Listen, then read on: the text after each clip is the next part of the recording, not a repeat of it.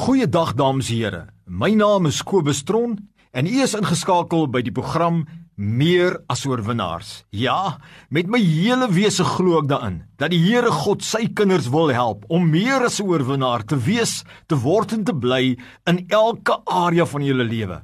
Ek is tans besig met 'n reeks van 20 sessies wat gaan oor my boek The Kingdom Way of Life, die koninkryks leefstyl. En ek vat elke sessie, vat ek 'n hoofstuk van my boek en ek fokus op daai tema as 'n vars boodskap van die Here aan jou. Vandag wil ek met jou praat oor wat die koninkryks leefstyl is met 'n spesifieke fokus op die onsigbare riem of domein. So dit is wat ek graag vandag aan jou wil oordra. Ek wil vir jou vandag sê Weet jy dat die koninkryk van God is ten eerste om te verstaan 'n spesifieke domein op aarde. Dis 'n spesifieke area. Dis 'n wonderlike, onsigbare geestelike riem op aarde.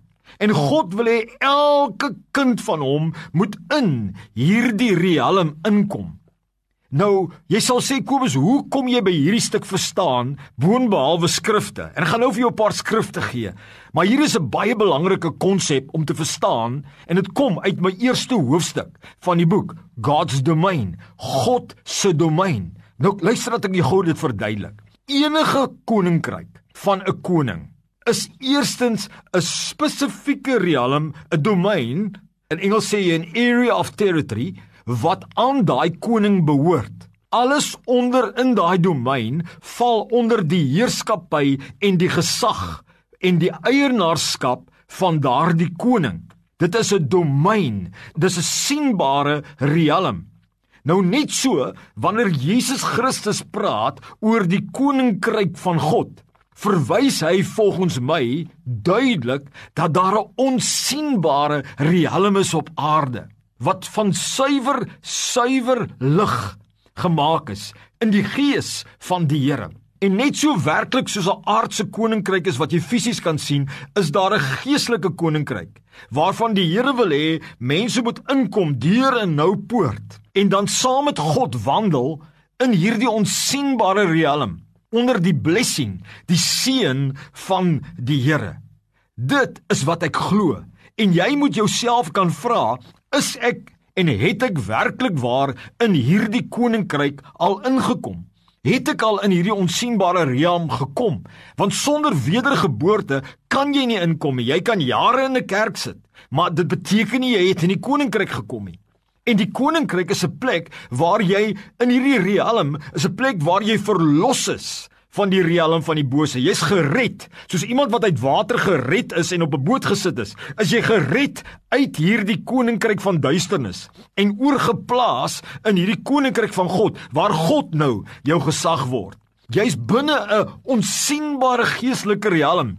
Net soos wat jy kan amper sê soos Noag en sy familie in 'n ark was terwyl die storm gewoed het, was hulle veilig in die ark. So is die koninkryk van die Here 'n riem waarin ons die goedheid van God kan smaak, die krag van God kan smaak. Dis 'n wonderlike riem waar ons verlos is van die bose en oorgeplaas is in die seën van sy liefde. En dit is waaroor ek vandag wil fokus.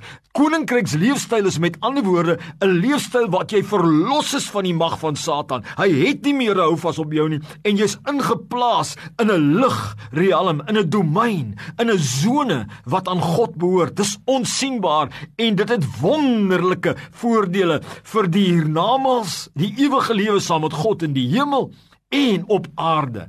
Kom ons gaan kyk net na 'n paar skrifte wat die woord van die Here dit bevestig. Kolossense 1 vers 13 sê: Hy wat ons verlos het uit die mag van die duisternis en oorgebring het in die koninkryk van die seun van sy liefde. Ja, God het ons verlos toe ons Jesus aanneem as die Here, het hy ons verlos uit die mag van die duisternis en het ons oorgebring. Let wel, nie eendag in die hemel nie, nou al, oorgebring in die koninkryk, in die domein van die seun van sy liefde, van Jesus en sy gees. Dis 'n nuwe riem. Dis 'n lig. Dis 'n riem van liefde waarin jy maak nie saak hoe vuil lewe jy geleef het nie, vergifnis van sondes gekry het en gereinig is, wedergebore is en nou in verhouding met God geplaas is. Dit is wat die woord leer. Psalm 91 sê Dawid en ek glo hy het 'n glimps gehad hiervan. Vers 1 en 2. Hy sê hy wat in die skuilplek van die Allerhoogste sit, sal vernag in die skaduwee van die Almagtige. In Engels sê hy, "He who dwells in the secret place of the Most High shall abide in the shadow of the Almighty." Dit is Dawid wat sê van die koninkryk. Hy sê hy, "Daar is die veiligheid. Daar is die goedheid van God te vind. Daar is die engele van die Here wat 'n laar trek rondom ons." Dan kom Jesus Christus en hy sê in Matteus 7 vers 13 en 14: "Gaan in deur die nou poort." Hy praat van nou in die lewe. Want breed is die poort en wyd is die pad wat na verderf lei, en daar's baie wat daardeur ingaan. Want die poort is nou en die pad is smal wat na die lewe lei en as min wat dit vind. Met ander woorde, daar's 'n onsigbare poort. Jesus het baie duidelik gesê in Johannes 10: "Ek is die hek en ek is die herder wat jou wil lei en my skape volg my." Dis 'n volgpad in hierdie koninkryk. En jy moet jouself die vraag vra, is ek binne of is ek buite? Het ek regtig my lewe al oorgegee aan die Here? Speel ek met godsdiens? Want dan kan ek nie die lewe smaak, die koninkryks leefstyl nie, want hy kan net te vind wees in die koninkryk. In Matteus 23 vers 13 bring die Here Jesus so deur. Hy sê: "Maar wee julle skrifgeleerdes en fariseërs, gefeinstes, want julle sluit die koninkryk van die hemele toe voor die mense, want julle gaan self nie in nie." En die wat sou ingaan, laat julle nie toe om in te gaan nie. So dis menslik moontlik dat bedienaars en ander mense 'n mens kan weghou van die koninkryk, weg om in te gaan in hierdie geestelike riem en die ewige oorvloedige lewe te begin smaak. Dat ek self as 'n bedienaar nie kan ingaan nie en dan ander mense blok omdat ek nie sien nie en nie die leefstyl sien wat na die lewe lei nie. En dit is my boodskap vandag vir jou. Het jy jou lewe al oorgegee aan die Here? Is jy al wedergebore? Sê Jesus nie as jy nie wedergebore is nie, sal jy die koninkryk nie sien nie. Hy praat nie net van die hemel nie, hy praat van die riem om in te gaan. Dan het jy die ewige lewe en dan kan jy die oorvloedige lewe bekom. O my liewe luisteraar, waar is jy? Waar staan jy? Is jy in of is jy nog in die mag van die bose? Het jy Jesus aangeneem as die koning van jou nuwe lewe van die koninkryk van die Here en soek jy sy koninkryk en embrace jy sy koninkryks leefstyl? Dit is my boodskap aan jou. Mag die Here julle almal seën en mag julle oë en julle ore oop gaan sodat julle die oorvloedige lewe mag smaak in die Here. Amen.